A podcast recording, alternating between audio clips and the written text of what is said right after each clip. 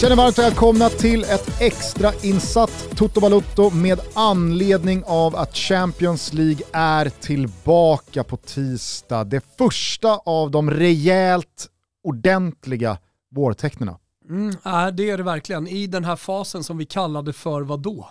Fas 3 av 4. Ja precis, sista Bortre sväng. kurva, sista sväng ja exakt. Mm. Eh, det är eh, PSG mot Real Madrid och Sporting mot Manchester City tisdag. På onsdag så har vi eh, Salzburg mot Bayern München parallellt med Inter mot Liverpool. Och Lilla även internmötet fast, eh, internmötet. Ja men precis, jag tänker att eh, det, det, det är så nära Salzburg till München. Så att man har mött så mycket i träningsmatcher och grejer genom åren och sparrats mot varandra. Så det blir lite som ett internmöte, känslan blir det. Jag har ju en gång fått, eh, eller jag och jag, familjen fick kall på kärran precis efter München. Eh, och eh, så sträckan mellan München och Salzburg fick vi ta med tåg. Ah, okay. Bara en sån sak. Ja, men eh, Salzburg, fantastiskt stad. Det rekommenderar jag. Jag får ju väldigt många frågor om just resmål. Mycket Italien och sådär. Men eh, då skulle jag bolla upp Salzburg som, ett, eh, som en drömstad att åka till. Underbart. Mm. Hörni, ni vet ju att ni ser alla matcher från Champions League på Simor. Har ni inte ett abonnemang så skaffa det för guds skull. Utöver all fotboll från den här, alltså världens bästa klubblagsturnering, så ser man ju också allt från La Liga och Serie A. Gugge öppnar studion på tisdag 20.00. Var med oss, gå in på simor.se sport och hitta abonnemang som passar just dig. Du och jag Thomas hade ju kunnat prata upp de här matcherna i all oändlighet, men vi är alltid ambitiösa i den här podden. Vi vill plocka in expertis från absolut bästa håll, så då har vi gjort det. Bengt Sonnert är tillbaka i Toto Balotto-studion, välkommen! Ah, stort tack, kul att vara här igen. Ja, men det är vårt nöje att ha dig här igen. Hur är läget? Ja men det är bra, det är bra. Um, ja, nej, det, det, rullar på. Ja men vad roligt. Jag känner spontant också eh, när vi inleder att eh, Bengan Sonnet har ungefär lika bra mickteknik som eh, Lennart Ekdal hade när han var här. Det var många som uppmärksammade oss, eh, oss på att eh, det var något eh, no, no vajsing med ljudet från Lennart. Eh, trodde att det var Kim som hade klippt dåligt, eh, men, men det var alltså Lennarts eh, mickteknik. hur, hur tycker du micken känns? Ja men nu, jag får eh, justera lite här kanske. Jag tror att problemet är att Bengen kommer från en värld, alltså, li, lite av mer gaming-twitch-hållet, där alla har mick fast i sitt headset. Precis. Så där är liksom alltid är ljudet perfekt. på. Lennart Ekdal kommer nog lite mer från ett håll där han tänker, det är väl bra ljud överallt.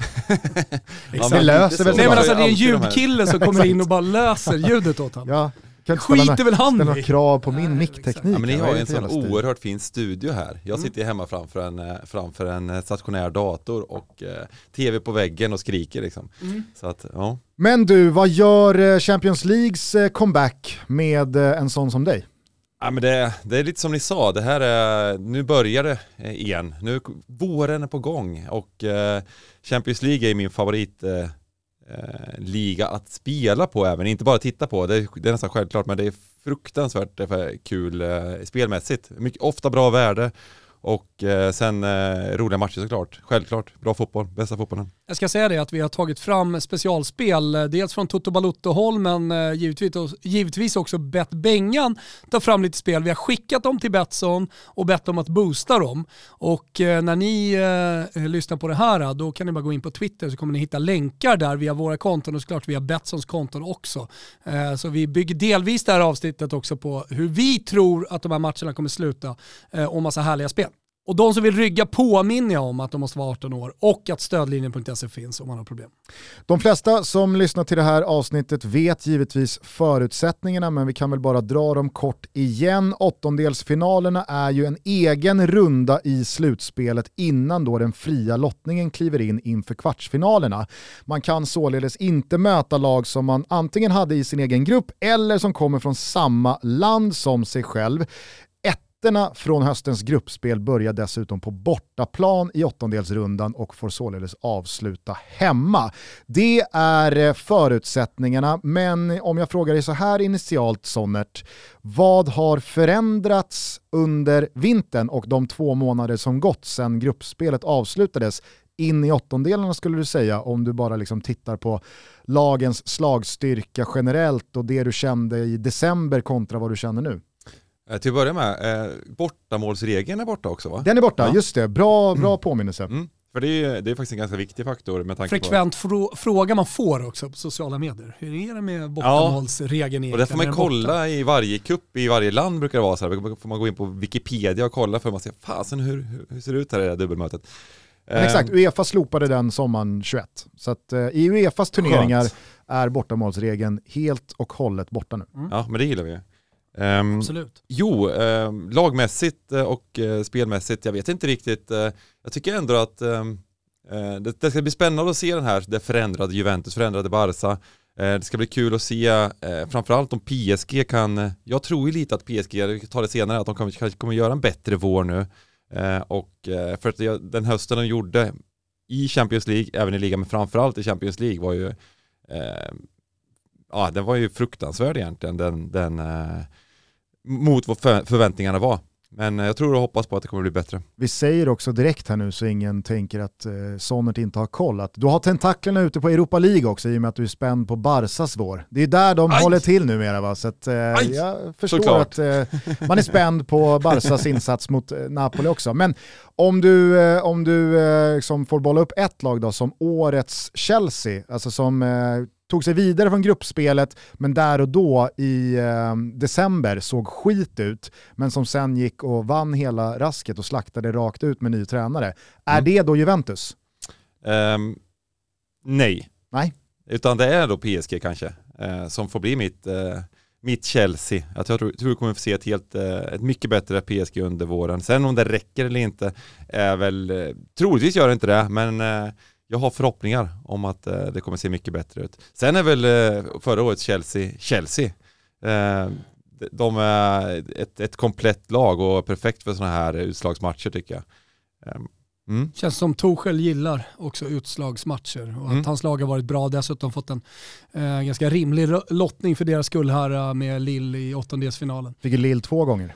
Ja, just det. Precis. Det är den där oerhört märkliga lottningen. Dessutom ska väl det sägas kring Chelsea att man har ju också hamnat väldigt bra på det inom citationstecken vad gäller ligaspelet. Alltså man kommer lösa ny Champions League-plats eh, i Premier League, men man kanske inte behöver prioritera Premier League-matcherna före Champions League. Och så kan man gå för att försvara den. Sen handlar det så jävla mycket om vad man får för lottning i och med att det är fritt i kvartsfinalen och sen fritt igen i, i semifinalen vilka man landar med och hur de matcherna, och Benga säger det här, alltså över 90 minuter. En, eh, en 90 minuters match kan ju egentligen sluta lite hur som helst för det blir så mycket slump. Under ett ligaspel, eh, där blir det ju mer rättvist vilka som är bäst. Men under 90 minuter då kan till exempel en tränare som är bra på liksom, att få sitt lag vara perfekta under de 90 minuterna och som kanske också är en bra matchcoach på att studera motståndaren och göra rätt saker eh, som Thomas Tuchel är. Eh, passa liksom lite bättre än vad det passar andra lag. Det är väl det som Pep Guardiola hela tiden haft, haft emot sig efter att han vann med Barcelona. Att eh, han är en fantastisk tränare över tid, han är fantastisk i seriespelet. Men just det, det, det, är så mycket principer och det, det, är så mycket långsiktigt tänk. Och eh, det finns ingenting som man vill göra avkall på bara för att man möter ett jättebra lag i en semifinal i Champions League. Man vill se en växel till. Ja men du vill ju se att han har den växeln också. Men det är lite som att nej, vi spelar vårt spel. Och kanske är det liksom för Pep Guardiola, eh, det som gör honom så jävla bra och det som gör att han vinner så många ligatitlar, det som gör att han hela tiden utvecklar sina lag, för att de eh, förhåller sig hela tiden eh, till de principerna man har i sitt spel. Kanske är det också lite så att det är lag som vinner ligatitlar men spelare som vinner kupptitlar. Och där Spelare har ju... och slump skulle jag vilja säga. Exakt, men ibland också domare tyvärr. City har ju, och Pep Guardiola har ju senaste decenniet kanske saknat de här kuppspelarna som har lagt i den där växeln du efterlyser i en kuppmatch där allting ska avgöras och där allting står och väger. Att det är en spelare som kliver fram och gör de där två målen. Mm. Lex, Ronaldo. några spelare ja, som ja, alltid har haft det som adelsmärke. Ja, men så har vi Övrebö som har vunnit åttondelsfinaler i, i, och, och, finaler och så vidare. Sen skrivs så, det finns ju även domare. Sen skrivs ju även eh, historien utav vinnarna klassiskt att eh, det är mycket slump inblandat i, i, i enskilda matcher och eh, vi kommer alltid komma ihåg det. Så, men det var självklart att Chelsea vann Champions League förra året. De gjorde, de var, gjorde en extremt bra vår och eh, matchcoachingen var perfekt och det var spelare i form och det var eh, Ehm, ja, City hade kanske sämre, sämre final och så vidare. Men, men eh, i slutändan om man, så är det ju bara stolpe in i många, många lägen. Eh, och det blir så självklart efteråt. Verkligen. Eh, ska vi kanske börja då, de eh, fyra punktinsatserna vad gäller de fyra första åttondelsfinalerna i just Paris, eh, där du gillar PSG. Vi står på lite olika sidor här, för att jag tror ju att Real Madrid dels kommer eh, ta sig vidare ur det här dubbelmötet och dels kan gå riktigt, riktigt långt. Jag, jag tycker att eh, Ancelottis bygge har imponerat så här långt den här säsongen. Det är ju dessutom ett jävligt uppskruvat och hett möte. Messi ska tillbaka och möta sina gamla ärkerivaler i Real Madrid. Sergio Ramos ska eventuellt spela på sitt Santiago Bernabéu mot sitt Real Madrid och Kylian Mbappé är eventuellt klar för att ansluta till Real Madrid i sommar. Det finns så jävla många lager i den här matchen så hälften vore nog.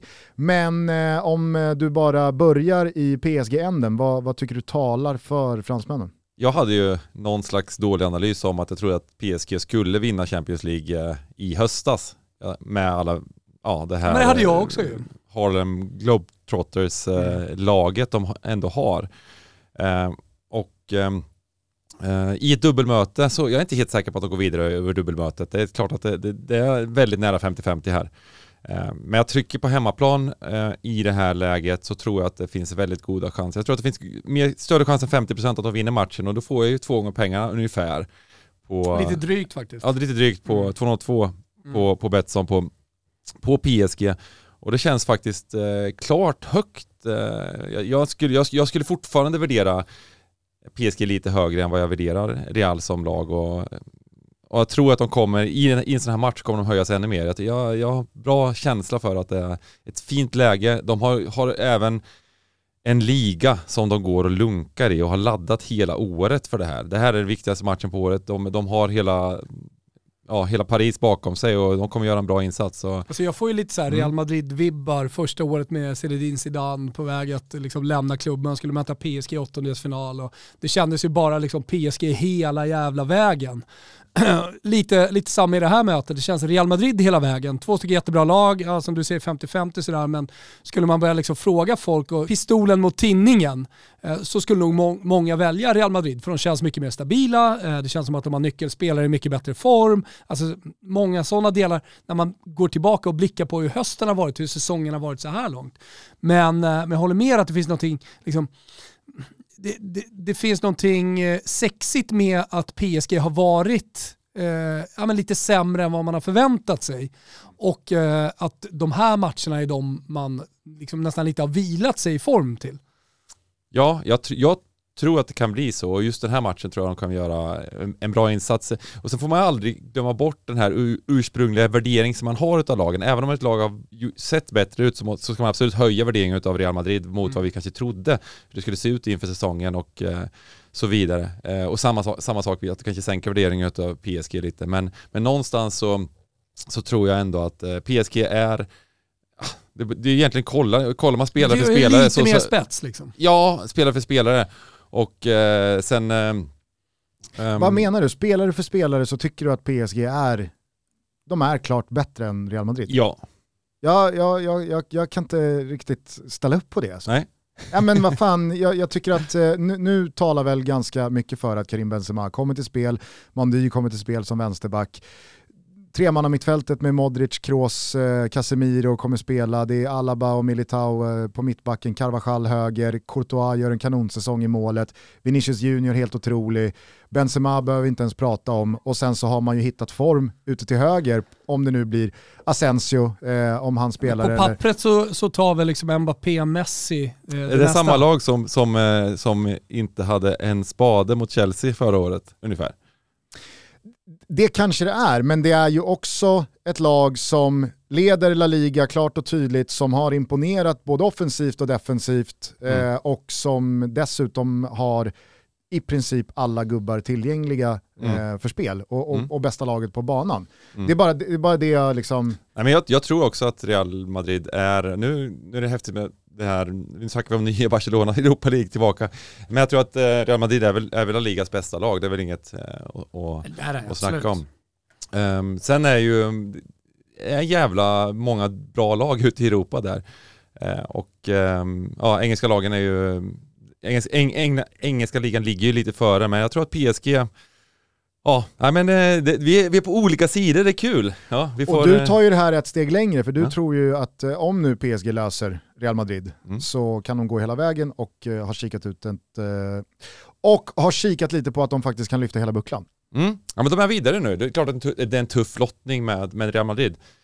Men om de tar sig igenom den här som jag, jag, jag tror att de har bra chanser, så var ju oddset, alltså det var fyra, fyra, fem gånger inför säsongen på det. Och nu för att det har sett ut som det har gjort så är det uppåt tio gånger, kanske ännu högre ibland. Eh, och då eh, tycker jag att eh, Finns bara, ja, men istället för ja, men 10% eh, chans, det ska de absolut ha. Eh, och jag kanske tror, tror att de har lite högre, 10-15% absolut. Så att eh, ja, det, det får bli min, min vinnare Mm. oddsmässigt liksom. Sen, sen så tror jag att det finns absolut högre chans att de här Bayern och eh, City framförallt är väl de stora favoriterna som, eh, som det, är väl eh, det är väl de emot, men, men, men eh, just att 10% tycker jag de har större, större chans än 10%. Ser ni framför er en öppen tillställning över två matcher och att det kommer bli målrikt och att man snarare går vidare på offensiv än defensiv? Eller vad, vad, vad ser ni för matcher framför er mellan PSG och Real? Det tror jag. Jag tror att det, det kommer smälla lite här. Det kommer bli trevlig fotboll. Det, här är ju ett fantastiskt eh, åttondelsfinal såklart. Jag tycker Champions League-matcherna, eh, om man jämför med typ 6-7 år sedan, har öppnat upp sig mycket mer också. Jag tycker att Mm. gruppspelet eh, levererar mycket roligare fotboll eh, och även slutspelet, Mm. eh, om, man, om, man, om man ser till de senaste fem åren, haft ja, men liksom hög underhållnings, haft ett högt underhållningsvärde. Eh, och kollar man på de här två lagen så eh, tror jag inte att det kommer backa speciellt mycket. Även Nej. om Ancelotti kanske är lite mer av en eh, cyniker och, och kan kanske matchcoacha sitt lag att ligga lite lågt mot, mot PSG. Eh, Så, så tror jag ändå liksom att det finns så mycket kontringsstyrka och så många snabba, så många tekniska, så många bra spelare som Ancelotti kommer vilja ha i spel. Ja. Det, det kommer vara viktigt för honom att få dem i spel. Inte minst eh, Vinicius Junior. Eh, och och det, liksom, det talar för att det borde bli ganska chansrikt. Och blir chansrikt då kommer något av de här mötena få ett tidigt mål också och då, då kan det spåra lite. Ja, jag tror att det som talar emot mitt spel lite då, det är just det du säger, det kanske att eh, det kan passa matchbilden med och eh, att Ancelotti som matchcoach kanske lyckas med det, att de lyckas kontra sönder PSG här på, även på mm, eh, bortaplan. Men sen just det här med mål, också jag tror att det här med eh, bortamålsregeln, att den är borttagen, är positivt för, för, att, för att det kommer bli mål. För hemmalaget kanske går lite mer offensivt, vågar chansa lite mer och släppa in mål. Kanske inte, li- är inte lika farligt. Man tänker jävla- inte på dubbelmöte på samma sätt. Det är så jävla ironiskt det där, för att bortamålsregeln implementerades för att det skulle bli mer mål. Ja. Men nu tar man bort bortamålsregeln med tanken om att då kommer det bli mer mål. Mm. Så att, hur, hur- ska man ha det med den där jävla bortamålsregeln? Nej, men jag tror att det är bättre så här i alla fall, bara släpp det fritt. Framförallt så tycker jag att den, den stora fördelen med att man slopar bortamålsregeln, det är ju att ett lag inte längre anses eh, rättmätiga segrare efter att två matcher har slutat oavgjort. Bara för att en match slutar 1-1 och den andra matchen slutar 2-2. Ja. Det blir ju löjligt att ett lag ska gå vidare på att man har spelat två Ja, oavgjorda matcher. Ja. Det är ju, tycker jag, den, den, men den stora segern i att man slopar bortamålsregeln. Sen kan jag gilla bortamålsregelns utformning med att bortalaget har en morot i att gå framåt och Ja. göra ett mål som väger tyngre. Det är inte svart eller vitt det här. Nej, absolut, nej, det, det, Det, det, är pros and cons. måste se liksom. det på eh, ett nyanserat sätt, men eh, absolut. Jag, jag har ett take i, eh, på tal om PSG mot Real Madrid. Det är att Messi kommer, kommer lämna det här mötet mållös. Jag tror att Real går vidare. Min magkänsla säger Real Madrid. Men jag är också påverkad av att ha liksom sett alla de här tre finalerna, sett Real Madrid liksom göra det så bra i Champions League så många gånger. Så att eh, jag går någonstans in med, med någon slags positiv inställning till, till Real Madrid, även om de hade gjort en dålig säsong. Eh, de känns så jävla tunga och det känns, precis som det känns som att det är Cristiano Ronaldos cup och turnering, så är det Real Madrids som lag turnering att spela. Eh, och eh, ja, men det finns någonting i att Messi inte riktigt har hittat formen, i, nu gjorde han ju mål här för- senast, men, men eh, han, han är inte sig själv och eh, Neymar missar ju med största sannolikhet den här matchen väl. Det, Det- det finns väl anta absolut en rimlighet i om man skulle sitta på Ja, bänken och eh, vara med i någon matchtrupp. Ja, men men- precis, och på tal om de här nyckelspelarna offensivt, visst det finns eh, alternativ som är bra i PSG, men, men eh, jag, jag ser framför mig ett så dubbelmöte där, där, där Messi inte alls lyckas. Och dessutom möter man då Real Madrid, de har en speciell förhållande till just Leo Messi. Han kommer få han kommer få en tuff behandling eh, från spelare som vet hur man behandlar Messi. Eh, så jag tycker det finns ett litet härligt värde där i att läm- Messi lämnar åttondelsfinalmötena mållös. Men Bengan, får jag fråga dig som det spelgeni du är. Eh, är det enkom negativt för PSG om Neymar inte kommer till spel? Eller finns det någonting i dig som värderar det som en positiv grej med tanke då på att det har sett ut ganska dåligt när alla tre har spelat, men att Neymar också kommer då från två, två och en halv månad skadefrånvaro och kanske behöver en tid att hitta formen. Förstår du vad jag tänker? Absolut, och jag håller med dig helt. Eh, jag tror inte att eh, det spelar speciellt stor roll om han startar. Startar han så det skulle kunna vara att, att han startar bara för att han är Neymar och det är ju inte bra i så fall. Utan eh, det kan ju vara att eh, han inte är i form. Eh, Han borde, han borde ju inte vara i hög form. Så det, jag, skulle nästan föredra att han börjar på bänken och, och får en 20 minuter kanske i första mötet. Eh, Däremot så skulle jag föredra att Benzema inte startar eh, för mitt spel då. Eh, Sen så Och där, Det- där kan man ju verkligen understryka, alltså det är få spelare på den här nivå av lag som gör så stor skillnad tycker jag i slagstyrka som när Benzema Ja. är med och när Benzema inte är med. Definitivt. För alternativen för Real Madrid är ju så mycket svagare än vad det är Det för... blir väl typ falsk nia om han inte är med. Ja, alltså jag, jag kan inte tänka mig att Ancelotti petar dit Luka Jovic från start när Asensio ändå är i bra slag. Och, nej, Ja, men så så- att, visst. Falsk nia. Det som är lite kul också är att eh, nu när vi snackar om det mycket så just att det här är Real Madrids eh, turnering och så. Det är ju fint, fint odds på att Real Madrid vinner turneringen också. Så gillar man istället då att Real Madrid kommer gå vinnande ur dubbelmötet så kan det vara även en, ett långtidsspel på Real som Vad ligger de på då?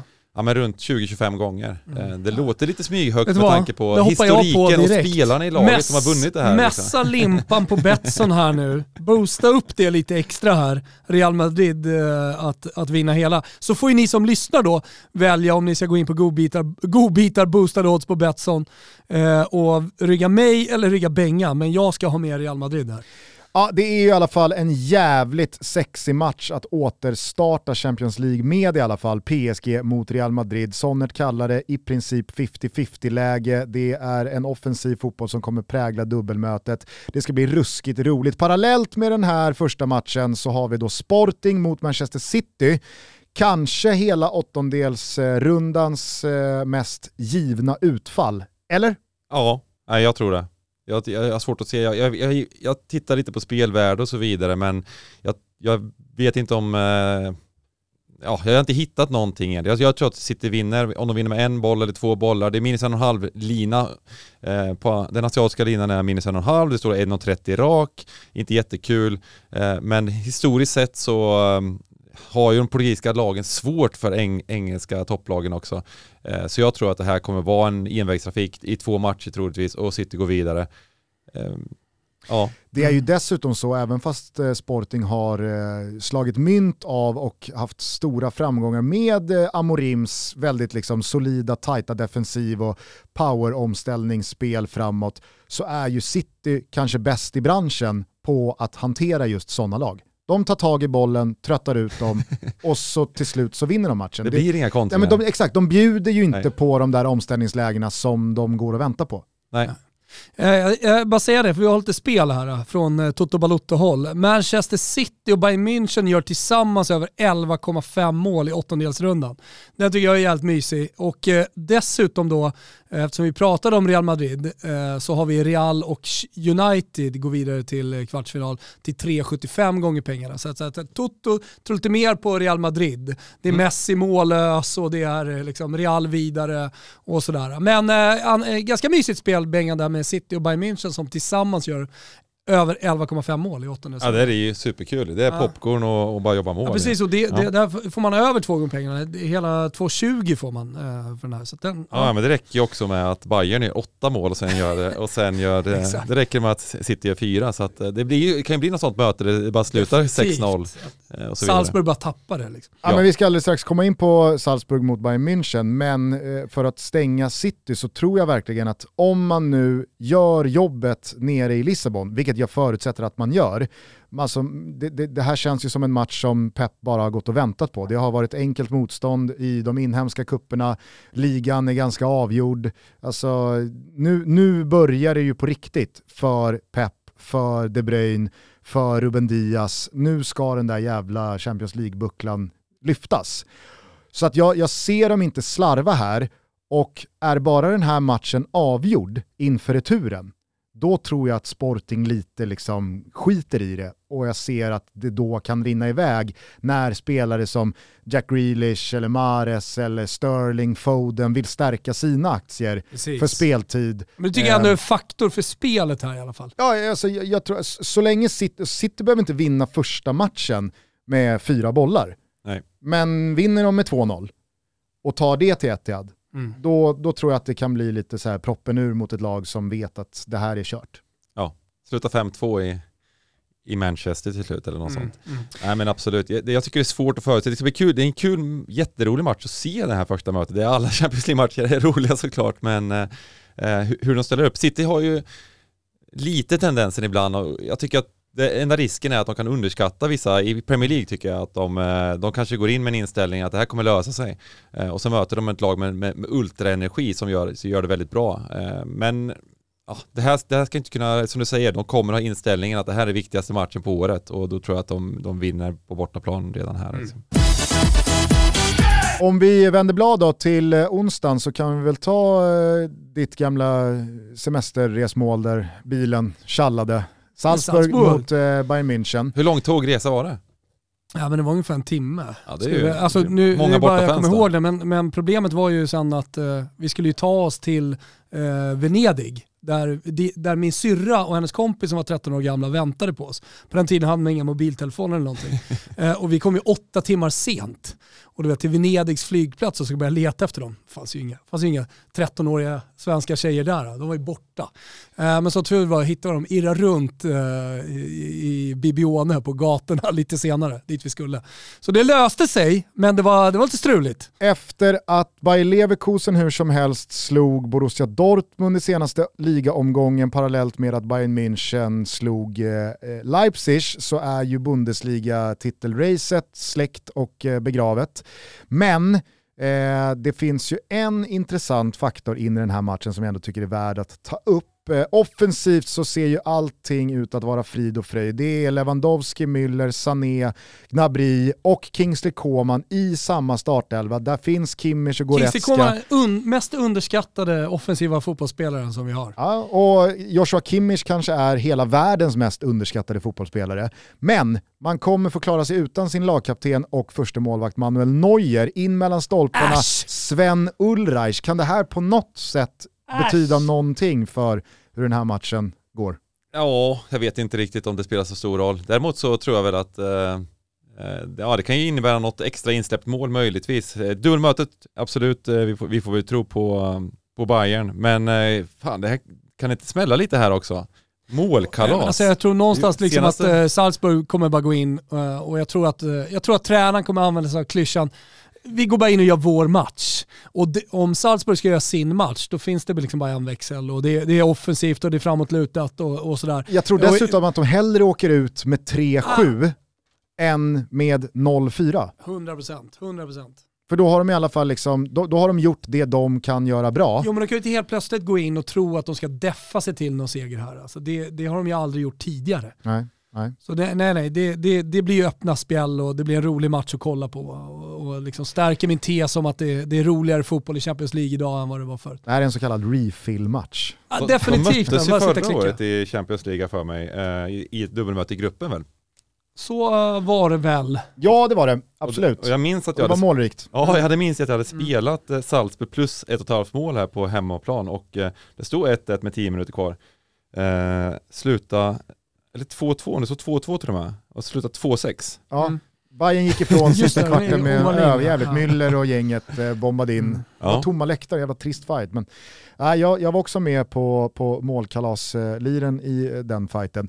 Men om vi då förutsätter att Bayern München såklart avancerar från åttondelarna, hur värderar du Bayern München vad gäller favoritskap till att gå hela vägen Bengt?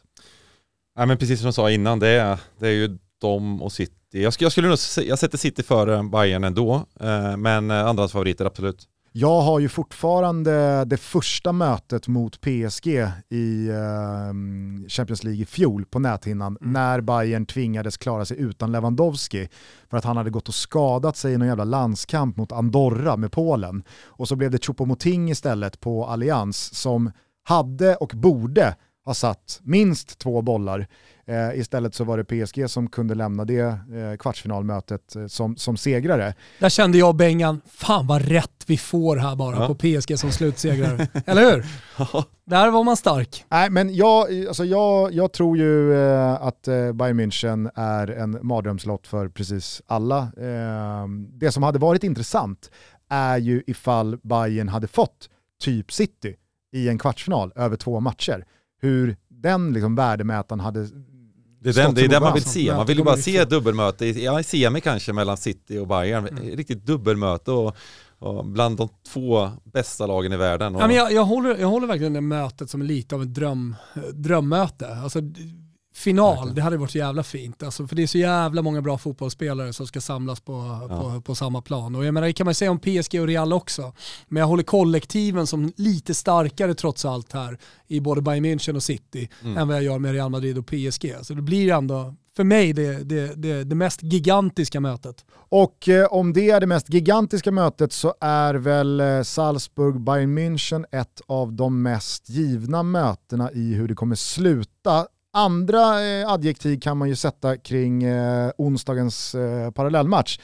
Den mellan Inter och Liverpool. Nu eh, kommer de eh, regerande italienska mästarna få klara sig utan mittfältsmotorn Barella efter hans idiotiska röda kort i sista gruppspelsmatchen mot Real Madrid. Det talas väl också en hel del om att man kommer få klara sig utan Bastoni i den där solida trebackslinjen efter att han vred ett ledband. Gjorde han väl i landningen eh, mot Roma i kuppen här i eh, veckan. Eh, om vi börjar där då Thomas, hur stora avbräck är Barella Bastoni? Ja men eh, enorma, alltså Bastoni var ju eh, den unga spelaren i en eh, rutinerad backlinje, alltså med De Frey och med Skriniar så pratade man inte speciellt mycket om Bastoni. Men han har ju liksom vuxit ut till en nyckelspelare eh, och är, jag skulle säga nästan lika viktig som varje del eh, i den där trebackslinjen. Eh, så, det, så det är givetvis ett avbräck. Det går det går att ersätta men det, det är ett avbräck och i sådana här matcher då behöver man precis allting. Eh, Barella, ännu mer nyckelspelare. Han är liksom motorn på, på mittfältet och jag tycker också att han eh, driver upp någon slags moral i, i Inter eh, som jag tycker saknas när han inte är på planen. Han gjorde det i Liazzurri i somras eh, under EM-slutspelet och han gör det vecka ut och vecka in i Inter eh, nu, nu också. Så att, eh, med båda de två borta så, så håller jag det som eh, re, rejäla avbräck. Nu eh, lär vi väl få en indikation eh, på hur anfallsparet kommer att se ut i och med att någon ska sitta kvist mot Napoli under lördagskvällen. Men jag är jävligt spänd på att se vilka två anfallare Inzaghi väljer att starta mot Liverpool. I och med då att Edin Dzeko både har visat målform men kanske framförallt har centimeterna och kilorna att eh, kunna stå upp mot van. Dijk eh, med mot. Samtidigt som då Lautaro Martinez kanske är den största stjärnan men Alexis Sanchez är i allra bäst form. Jag tror inte Alexis Sanchez spelar den här matchen. Bara- Nej, men han, är han, är, Barella han är out, stekhet Ja. liksom. Är Barella helt out? Ja, han är avstängd. Okej. Mm. Men eh, om jag då vänder mig mot Somnert, hur ser du på Inter? Hur, hur värderar du dem? Ehm, för det första så, just det här, ni har ju klart bättre koll på Serie A än vad jag har. Eh, men det jag sett av, just inte det där laget jag sett mest och eh, även i Champions League. Och jag tycker att det är, eh, det är ett bra europeiskt lag. Ehm, och jag tycker att de är absolut, jag, tror- jag tror att de kommer vandra hem eh, Serie A till slut, även om de har haft lite, lite sådana, vad säger man? Lite Eh, hicka, lite, Ja, lite hick, hicka här. Sportslig hicka. mot, mot Milan så var det ju liksom spel mot ett mål i 60 minuter eller någonting. Man ska inte glömma bort det, även om det är sportslig Nej. hicka så är det nog bara Ja. hicka. Sen är ju det som här derbyna, de lever sitt eget liv ibland och det, det ger aldrig upp och det, det kan hända sådana här saker. Istället för sju poäng ner till Milan och en match mindre så är det en poäng ner. Ja, det är helt... Eh, men det är kul också såklart för, för ligan. Men eh, jag, tror att, jag tror att Inter har en, en, en chans att stå upp mot Liverpool. Eh, det är... ja, ja, det är det laget som, eh, som skulle kunna göra det i Italien tror jag. Eh, Liverpool är ju också, vi, har inte ens pratat om att Liverpool är såklart en av favoriterna att vinna eh, med Men tanke det, på den spetsen det är nog, de har. det är nog lurt, för ingen här har valt att boosta Liverpool som Nej. slutsegrare. Men Gugge, du gillar ju City till exempel. Mm. Och Bayern. Ja exakt, och Bayern. Eh, vi har boostat City faktiskt eh, med Betsson här till fyra gånger pengarna. Eh, Mm. Det tycker jag känns som ett bra spel också, även om det är en, det är en lä, lägre odds. Men, men eh, jag tycker de känns som väldigt tydliga favoriter i alla fall. Eh, Lägre odds, tyngre insats. Exakt, exakt. Men Liverpools exakt. högsta nivå är ju, Ja, men sen är så- Liverpool, eh, är ju jag vet inte. väldigt hög, men eh, ja, jag vet inte riktigt, det här mittfältet också när de har slängt in eh, Henderson och Milner och grejer, det, det, det är bräckligt, eh, men- bräckligt på något sätt känns det Du, som. du tror ju att Liverpool kan ryka, Gustav. Alltså jag, jag, jag vill tro att de italienska mästarna kan störa de flesta lag. Ja. Det som skaver lite kring Inter, inte bara då om man nu saknar Bastoni och Barella som vi vet är avstängd eh, och att det är tunga avbräck, det är ju deras insatser mot Real Madrid i höstas när de då ska tävla mot de största.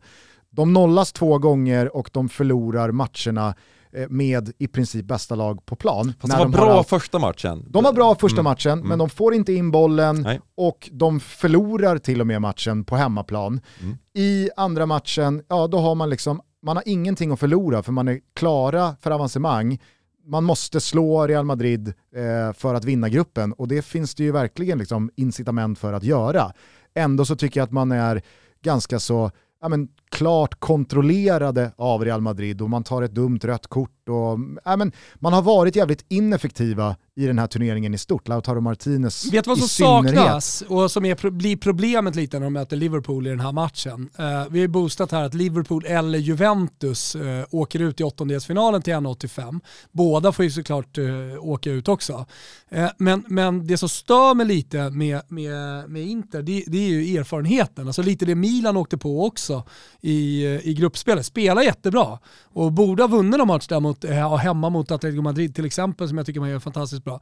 Men, men det räcker inte riktigt till och jag ser över dubbelmöte här nu mot, mot Liverpool så tror jag att det som kommer bli avgörande, om någonting blir avgörande, förutom någon slump som vi pratade om tidigare, eller en, en, en fin prestation, så ändå tyngden och erfarenheten i Liverpool från att spela de här, den här typen av matcher. Nu kommer Simone Inzaghi in.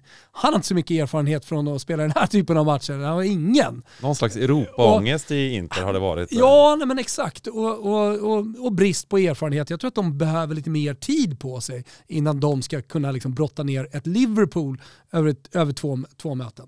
Sen är det såklart, eh, som vi sa, alltså med lite slump och mål i rätt lägen och liksom eh, två, tre nyckelspelare som verkligen formtoppar och får maxutdelning. Det är klart, allt kan hända här.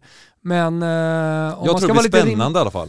Ja, det, Ja, Det- det, känns det kan jag första med mötet här på San Siro. Jag Och så tror faller de på erfarenhet, Inte det ska göra en bra match. Mm. Salah har spelat 380 minuter här. eller, Ja, han har spelat, eh, förlåt, 120 minuter, fyra matcher på raken eller något Mm. sånt. Eh, och eh, nu får vi se, han kommer ju spela i, när vi spelar in det här ikväll mot Leicester och sen så är det match i helgen igen. Mm. Eh, Så det, jag vet inte riktigt, eh, han är så oerhört viktig och så har han varit ner- nere där i Afrika och eh, fått ha tråkigt i ett ja, par veckor. spela helt Kommer han tillbaka? Vad, vad händer nu? Han vill, det känns som att det är därför han vill komma till, till den här matchen. Nu vill han ha kul igen. Han vill ha bollen, han vill spela lite fotboll igen. Är revanschsugen, Ja, vill vinna. Du menar på att Egypten spelade väldigt defensivt under Afghan? Ja precis. Och jag tror, att, eh, jag tror inte han hade så kul där nere. Eh, Mm. Ja, nej, men precis som eh, Sonnet nämner, så när ni hör det här så har Liverpool spelat mot Leicester under torsdagskvällen. Någon kan ju givetvis ha gått sönder under den fighten, men om vi utgår från att alla tar sig därifrån helskinnade så är det väl typ bara Divock Origi som finns på någon slags skadelista inför Intermatchen på onsdag. Och det är ju väldigt starka papper för Liverpool. De har ju ett otroligt bra lag, man har dessutom kunnat stärka upp offensiven med Luis Diaz här under januarifönstret. Jag tycker att, som du är inne på, det mittfält som lite för många gånger har varit för bräckligt, men kanske framförallt för, för, för dåligt rent kreativitetsmässigt när Milner har spelat, när Henderson har spelat ja, men, eh, nu, nu är Harvey Elliot tillbaka, Thiago tycker jag har tagit steg och med Fabinho där så, så, så, så ger jag Liverpool alla möjligheter att också matcha Inters mittfält rent eh, kreativitetsmässigt också.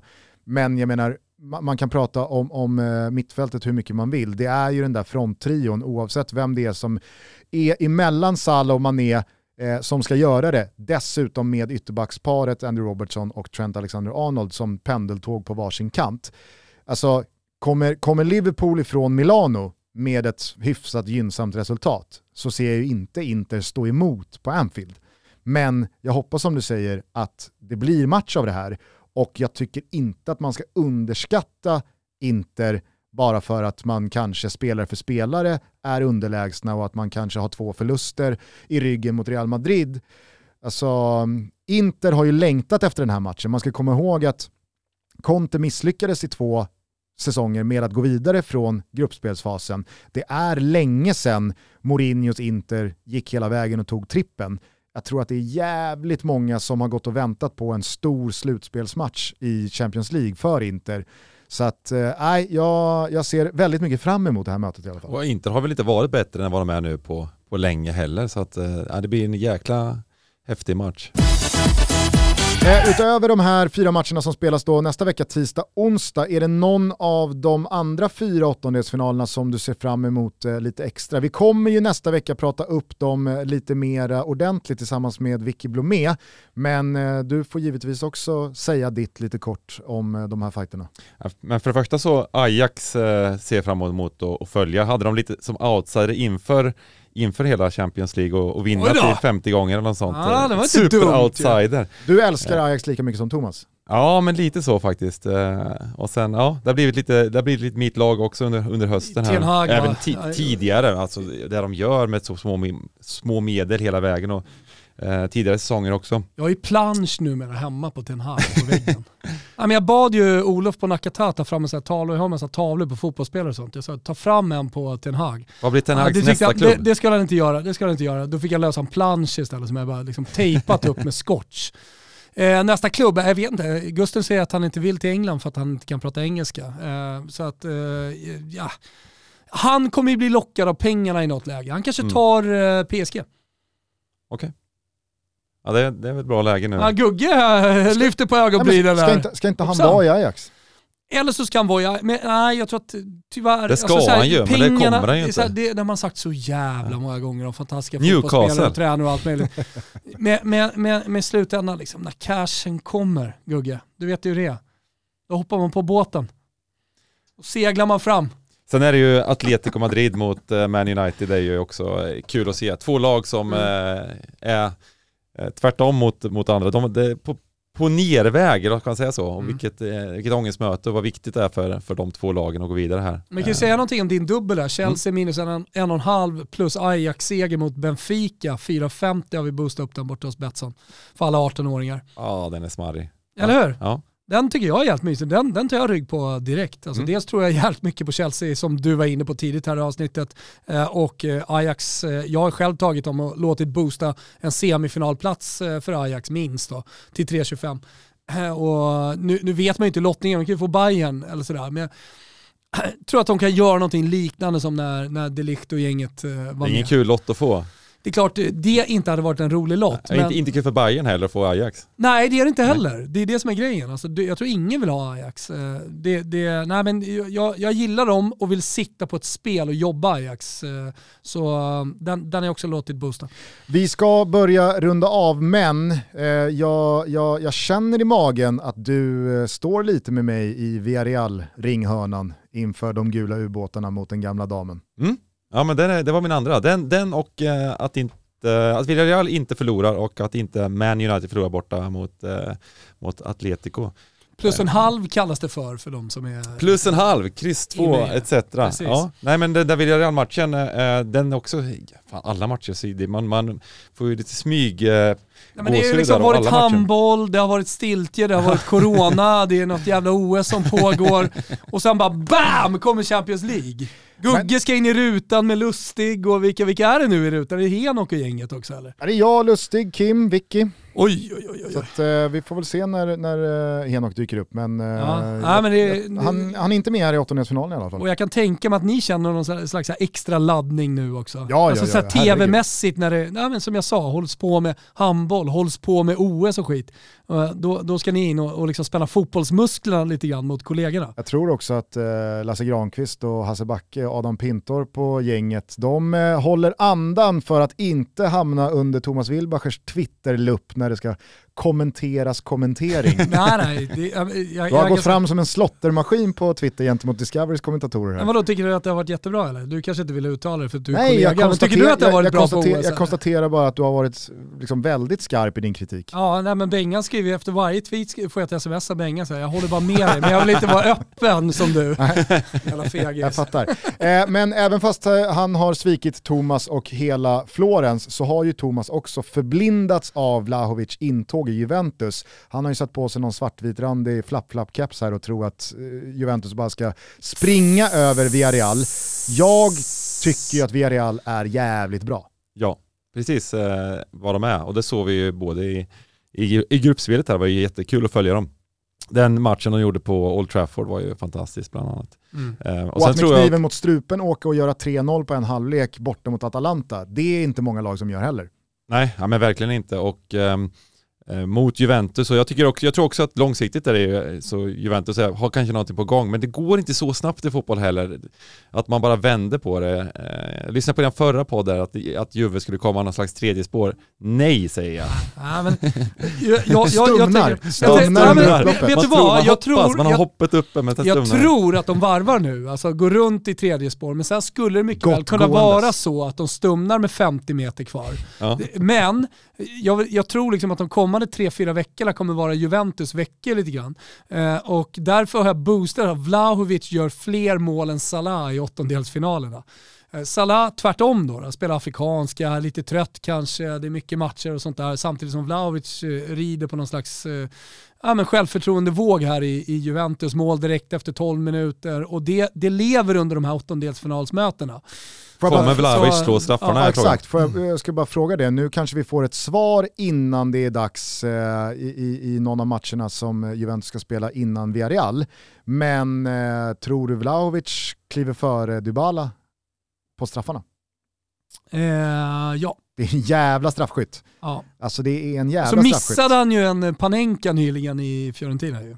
Jo, men Men eh, definitivt, alltså hans tillslag på bollen tror jag, alltså nu är Dybala jordens jävla tillslag också. Så att det är ju två stycken, det är För det är överflöd med fantastiska målspel. vänster. det handlar inte så mycket, alltså jag, tror Nej, inte, jag... jag- tror inte det avgörs Nej. så mycket på grund av tillslag, Ja, snarare problem- hierarki och status. Ja, men jag, och så jag här, kan säga en sak. att Dybala lämnar över straffarna till Vlahovic, det är ju en jävla signal. Jag kan, jag kan säga en sak om den hierarkin. Det är att Dybala byttes ut i förra matchen. Vlahovic spelade 90 plus tillägg. Han är viktig att ha på planen som en referenspunkt för Max Allegri. Han vill ha en referenspunkt i 90 plus tillägg. Vilket betyder att så här, ska han han deffar en 1-0-ledning, då tar han ut Dybala före Vlahovic. Och eh, om inte Dybala är på planen så slår Vlahovic eh, straffarna garanterat. Men, eh, men jag tror faktiskt att Vlahovic kan, eh, kan ha gått om. Eh, vi får ha lite koll på det. Men jag tror ändå han gör fler mål än eh, Salah i, i åttondelsfinalmötet. Eh, är det någonting annat du bara vill flika in här kring de andra fyra åttondelarna eller ska vi börja runda av? Nej, men jag kan bara säga det, Chelsea över 5,5 mål i åttondelsfinalrundan. Det, det är ett spel som jag har faktiskt tittat ut. Jag tror att det, blir, det blir lite islossning här va, mot Lille. Och det har ju varit en röd tråd och det får vi väl avsluta så, men en röd tråd genom avsnittet. Vi började, eller Bengan började med att snacka om Chelsea Och som ett kupplag och sådär. Och att du tror mycket på Tuchel. Uh, jag, jag, gör också det. Jag tror kanske att det släpper för Lukaku i någon av matcherna också. Högst odds du fick där, det var ju smar, det lät ju riktigt smarrigt. Ja, nej, men exakt. Uh, fick upp det, han gett bort sig lite. Uh, 4,50 fick, fick jag den till. Alla de här, uh, påminner om det, finns uh, på våra sociala medier. Det finns en länk. Godbitar, boostade odds om man bara liksom går in på Betsson. Och 18 år gäller uh, stödlinjen.se om man har problem. Jag tycker du nämner en adekvat pusselbit där i Romelu Lukaku. Jag tycker att eh, han ska nämnas som en jävla faktor för ja. Chelsea. Han har haft en jobbig säsong hittills med både skador, lite måltorka, hela den här soppan med att han började sakna Inter medialt och blev petad av Tuchel och så vidare. Helt, helt sjuk. övertygad om att belgaren vill få lite upprättelse här och eh, sätta sin prägel på Chelseas cupvår. Ja, men han är ju, det är perfekta matcher för honom tror jag, så att, eh, absolut. Hörni, eh, tack för att ni har lyssnat på den här Champions League-specialen. Återigen, vi ses i Champions League-studion 20.00 både tisdag och onsdag. Stort jävla tack också till Bengt Sonnert som kom hit och gästade oss med sin närvaro och expertis. Tack för att jag fick komma, vilken grej. Mm, och så får vi liksom eh, eh pusha lite för Gambling Cabin. Absolut. Ja, både poddar och Twitch och eh, roliga rekar och klipp som finns att tillgå på Twitter. Det är med eh, stor behållning man följer eh, stugan. Man märker också att eh, Benga börjar bli lite mer salt på Twitter. Alltså. Det blir saltare och saltare för varje dag som går. Jag tycker att det är roligt. Ser också att följarantalet börjar stiga och sånt där. Så att, ja, den nya, nya profilen Bengan Sonnet tycker jag mycket, mycket om. Ja. Mm, sen ska du börja ge dig på kommentatorer också, det får vi se. Inte bara på sms. Precis. Eh, hörni, ha en jävla trevlig helg. Vi hörs på måndag igen. Bengt eh, Sonnet, varmt välkommen tillbaka till Toto Balotto vad det lider senare i år. Tack, det ska bli kul. Ciao Tutti! Ciao Tutti!